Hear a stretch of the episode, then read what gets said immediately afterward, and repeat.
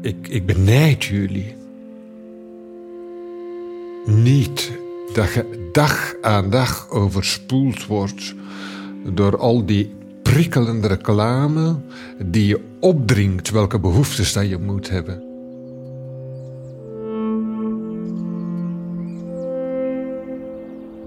Zo. Mijn eh, horloge zegt dat het 1 uur 's middags is. Het zonnetje straalt. Ik ben aangekomen in Zundert. Het ligt in de zuidwestpunt van Brabant, bij de Belgische grens.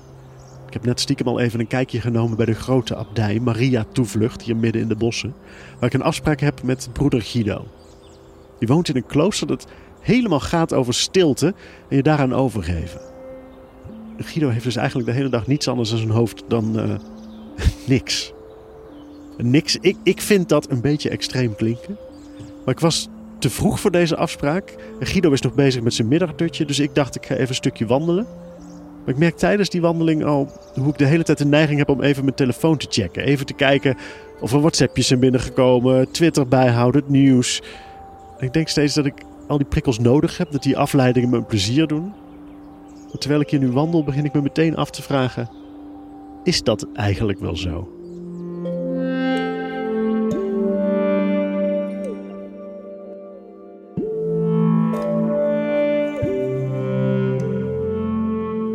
Je luistert naar Kloosterleven. Mijn naam is Oscar Kokke en in deze podcast ga ik in gesprek met Brabantse kloosterlingen. Zij leiden een bijzonder leven waar ik eigenlijk amper iets van weet. En daarom ga ik op zoek. Wat bracht ze tot hun keuze voor het klooster? Welke lessen leerden ze daar over zichzelf en over het leven?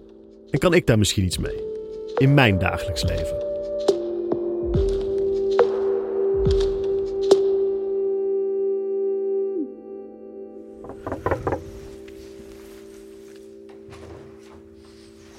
Goedemiddag. Hey, goedemiddag Oscar.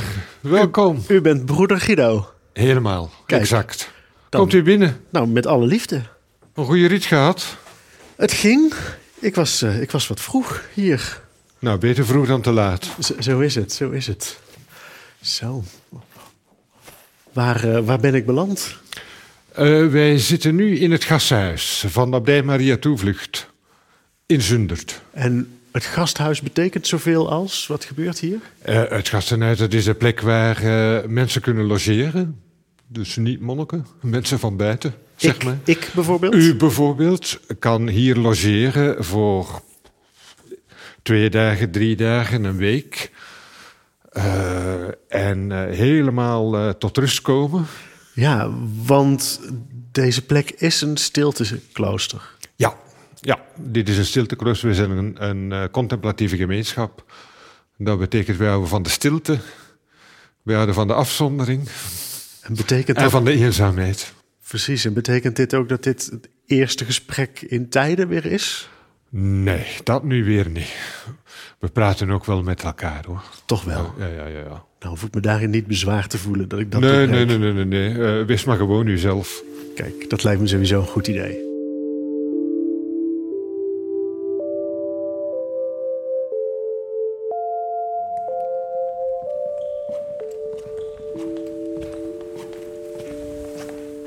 Heb begrepen, u was 18 jaar en toen heeft u zich hier aan de poort al gemeld. Wat Nou, ik, u wa- aan? voor mijn achttiende jaar ben ik hier al gekomen. Ja, Ja. op zo'n jonge leeftijd. Wat eigenlijk elke knul van een jaar of 17 wil. Nou, ik zag het, zeg het maar gewoon achter de meiden aan, aan de drank. En hoppakee, u niet. Nee, dat, dat trekt mij niet aan, dat spreekt mij niet aan. Ehm, heeft, heeft er nooit ingezeten bij mij. Ik drink graag een bier hoor, ik zie ook graag meiden. Ik herkende gewoon iets, iets, iets dieps in mezelf. Van dat is het. D- dit is een leven dat ik wil. Zo wil ik mijn leven vormgeven. En ehm, En dat zat in die stilte, in die rust. in de stilte, de rust, de afzondering, de, het gemeenschapsleven, het gebedsleven, de soberheid van leven. Zoals eh, de monniken hier leefden toen. Toen waren ze hier nog met eh 40, 45. En dat trok mij toen al aan en op mijn achttiende heb ik gevraagd of dat ik naar binnen mocht treden. En toen zei ze, nee, veel te jong. Echt waar? Ja, Je zou zeggen, ze, ze zijn hartstikke blij aan was. ja maar toen niet. Dat was in, eh, in de jaren zeventig. Toen was er genoeg. Toen was er nog genoeg blijkbaar. Want Ja, toen zeiden ze, hup, hup, hup, weg. En, en met welk argument? Dat ik veel te jong was. En dat ik eerst nog maar wat andere dingen moest gaan doen. Legerdienst, of toen bestond nog legerdienst. Hè? Of eh, eh, wat elders gaan studeren. Maar, maar u had behoefte aan stilte en rust en u kreeg te horen: nee, ga de wereld maar in. Dat staat natuurlijk haaks op die wens. Ja, daar staat de haaks op, maar tegelijkertijd is het ook een beproeving... Ja, ja. of is het een bevlieging van dat moment op die leeftijd. Ja. Ik heb er nog eens 18 jaar over gedaan. Op uw Ben ik 36 kwam u. Op mijn 35ste ben ik 35. weer komen. Ik heb altijd contact blijven houden hoor. Maar op mijn 35ste heb ik opnieuw gevraagd van ben ik nu oud genoeg? Vond u zelf dat u oud genoeg was? Ja, U was eraan toe. ja, ja. En ben ook, eh, achteraf gezien ben ik wel blij hoor dat ze toen gezegd hebben van nee, ga maar wat anders doen, ga maar de wereld verkennen, et, et cetera, et cetera. Ik ben toen gaan studeren. Ik ben uiteindelijk in eh, Brussel als maatschappelijk werker gaan werken. En dat heeft natuurlijk een geweldig voordeel opgeleverd Want? toen ik naar hier terugkwam. Nou, een zekere maturiteit, ehm, inzicht in de mens. Wie is de mens? Maar ook vooral inzicht in mezelf. Ja. Wie ben ik? Hoe functioneer ik? En op mijn 35 heb ik opnieuw de vraag gesteld. En een half jaar later ben ik ingetreden.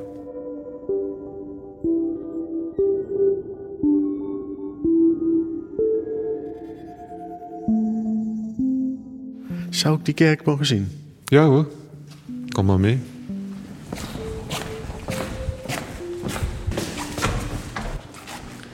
Oeh, het is hier een beetje natjes. Ik kom in een vers schoongemaakte kerk. Ja, er wordt gedwijld. Onze jongste is aan het dweilen. Dat is eh, de taak die de jongste krijgt. Onder andere klokken luiden, dweilen. En uw taak, wat doet u? Ik ben, ik ben eh, de abt. En dat betekent op Ik ben dagelijkse de overste. basis- Ik, ik ben de overste. Dat betekent ik heb de algemene verantwoordelijkheid, leiding. Eh, daarnaast ben ik ook novicemeester. Ik ben ook degene die verantwoordelijk is voor eh, de nieuwelingen. Ja, Ik ben bibliothecaris, ik ben imker, ik ben kleermaker. dat is een eh, Dus ik flinke portefeuille. Ja, ja, dat is een flinke portefeuille. Ik verveel mij nooit. Nee. ik zit eventjes rond te kijken in deze kerk. Ho- Hoge witte muren, groot orgel. Weinig afbeeldingen zie ik. Hoort dat bij deze plek? Is dat kenmerkend? Eh, dat is kenmerkend voor Cisterciënsers. Soberheid, leegte. Ah ja, dat is wat ik inderdaad Zo weinig mogelijk afleiding. Precies. Dus geen schilderijen, amper beelden, maar soberte. Ja, Geen afleiding, nee, leegte alleen het gebed. en arbeid, hè? Ik zie het. Ja, er moet nog steeds gedweld worden. Niet alleen het gewet, ook arbeid.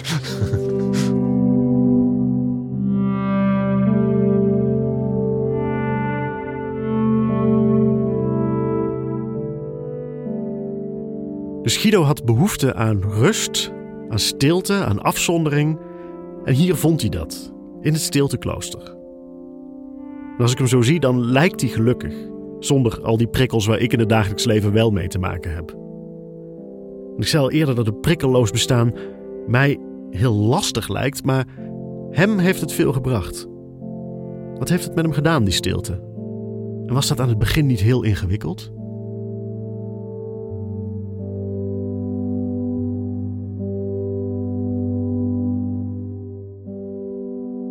Is zo'n stilte op een bepaalde manier ook nog beangstigend?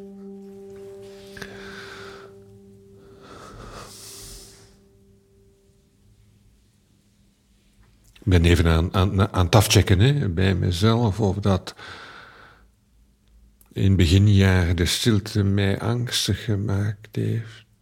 Mm, Ik, ik, ik moet zeggen nee. Eh, Wat wel confronterend was, was wat in mijn ogen de zinloosheid was. Dat vond ik confronterend. De eerste weken moest ik takjes knippen van de boom. Dat was uw taak. Ja. De levensvervulling kon daarin zitten. Ja. Takjes knippen van de boom.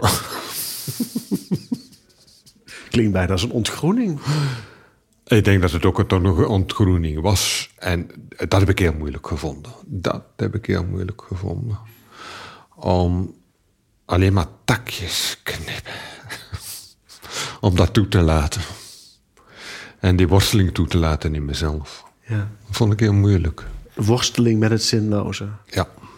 Het Die zinloze handeling. Ja. Van, want dit, dit slaat nergens op. Moet ik daarvoor, moet daarvoor mijn job opgegeven hebben? Mijn woning eh, Is het niet ook een ontruimd. overgave juist aan het zinloze? Nu ben ik daarachter natuurlijk van eh, dat de leegte, dat die heel vol is. Ja. Doe niet.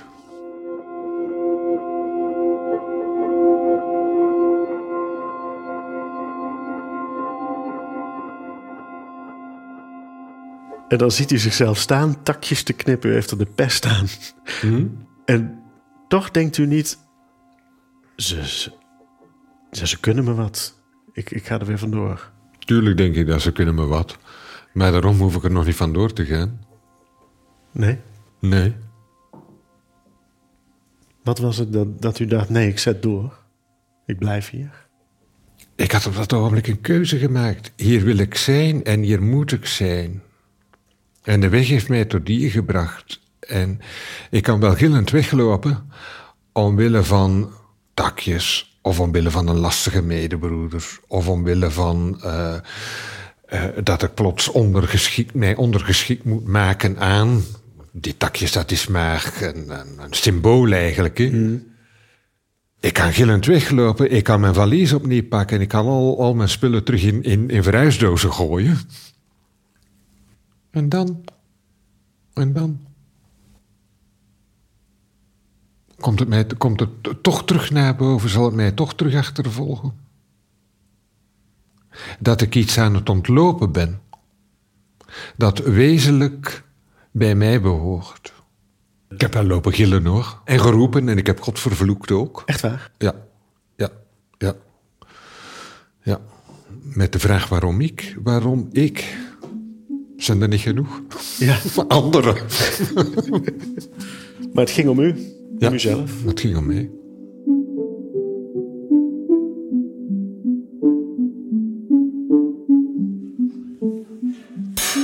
Zo.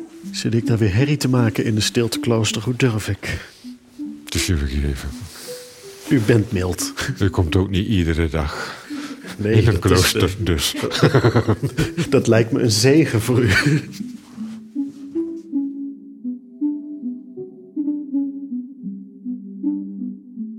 Ik wilde u ook vragen, ver- verveelt u zich niet wel eens? Ik? ik weet niet wat dat betekent, het woord verveling. In al die stilte, zonder Nee. de prikkels, Nee, nooit eens behoefte. Dat Nee. nee. In de beginjaren wel, daar had ik nog wel de, de behoefte. Ik ging vroeger heel veel naar eh, opera, eh, klassieke muziekuitvoeringen, tentoonstellingen en ga ze maar door, al wat kunst is. En dat miste ik er wel. ja. om dat los te laten. Of eh, gezellig uit gaan eten, of met vrienden en vriendinnen, wat je normaal doet Ja. op die leeftijd. Hè. Dus dat miste ik er wel. Is het nu andersom, dat als u nu buiten deze muren komt, dat het u dan overweldigt? Dat overweldigt mij, ja. Ja, ja. Ik, eh, als ik eh, toch eens buiten kom of ik ga naar een familiebijeenkomst van mijn zussen. Ik heb drie zussen. Dan, dan merk ik wel dat ik eh, vervreemd ben. En daarna uitgeput. Ja. Ja, dan ben ik altijd blij dat ik eh, terug de wagen in kan stappen en eh, richting Zundert rijden.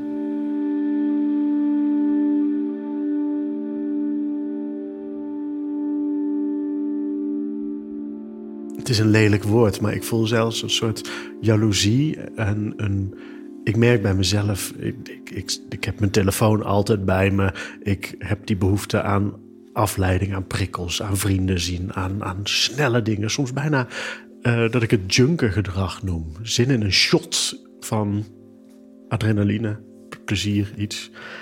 En ik denk best wel vaak van, oh, ik, zou dat, ik moet dat wat minder doen. En ik hoor dit en ik denk, ja, ik moet dat wat minder doen. maar wat zou dat nou toch zijn? Ik weet, ik, een deel hiervan weet ik. En toch blijft het me trekken. Die telefoon, die vrienden, de feestjes, de, het nieuws volgen. Is dat gewoon verslaving? Is er iets anders aan de hand? Ben ik bang? Ik kan natuurlijk heel veel verheven gedachten opdisselen en ik kan heel veel bijbelse en spirituele teksten ophalen. Maar eigenlijk komt het allemaal op hetzelfde neer. Alleen het wordt met andere woorden gezegd. Het gaat om overgave, loslaten, loslaten, loslaten. En ik ben daar niet eens mee bezig, hoe dat je over mij denkt, of wat dat je van mij vindt, en of dat je mij aardig vindt of onaardig, of dat je mij intelligent vindt of dom. Het, zou maar worst wezen. Terwijl u dat eerder wel was. Zo zijn we allemaal toch ja. begonnen. Dat je de behoefte hebt aan erkenning, aan gezien worden, aan bevestiging en noem maar op. En dat je graag gezien wilt worden, dat je bemind wilt worden. Ik weet dat ik bemind ben. Door hem met een hoofdletter. Dus wat moet ik daar nog verder aan zitten? Te hengelen. Wat een rust. Ja. ja. Want, want voor de samenleving zijn wij compleet nutteloos. We hebben geen enkele economische waarde. Dus dat wij bier brouwen. Hè? Maar monnik aan zich nutteloos, nutteloos voor de samenleving. Zeker voor de economische samenleving. En dat vind ik heerlijk. Heerlijk nutteloos. Ja.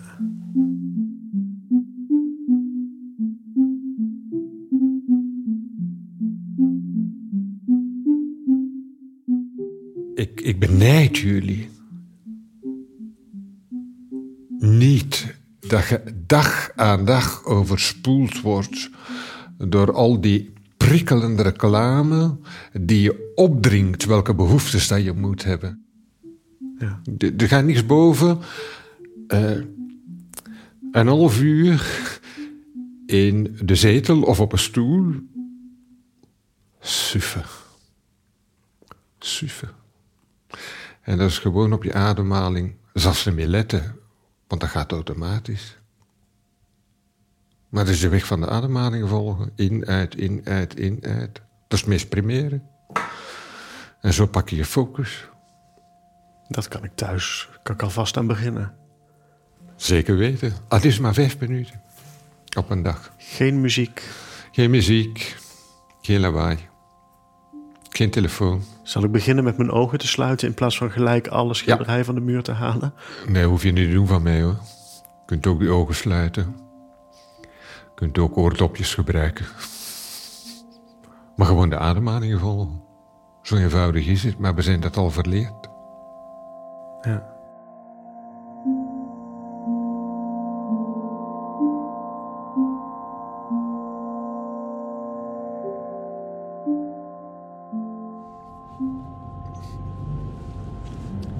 Na een gesprek als dit voelt het een beetje snel om nu al op de weg terug al deze inzichten te gaan verwoorden. Ook dit zijn allemaal prikkels die ik misschien even een plekje moet geven. Maar wat een man, wat een verhaal, wat een wijsheid. En een wijsheid over dingen die ik dan misschien diep van binnen eigenlijk al wel weet. Dat die uh, al die appjes, al dat nieuws, al die prikkels, dat dat me misschien helemaal niet echt gelukkiger maakt. Ik ben benieuwd. Ik uh, ga het eventjes een ritje lang laten bezinken. En misschien dat het me lukt om dan vanavond niet weer uh, alle pushberichten van de NOS binnen te laten komen. Ik denk dat ik in ieder geval wel een, uh, een biertje uit Zundert opentrek. Trappist nummer 10. Wie weet helpt het.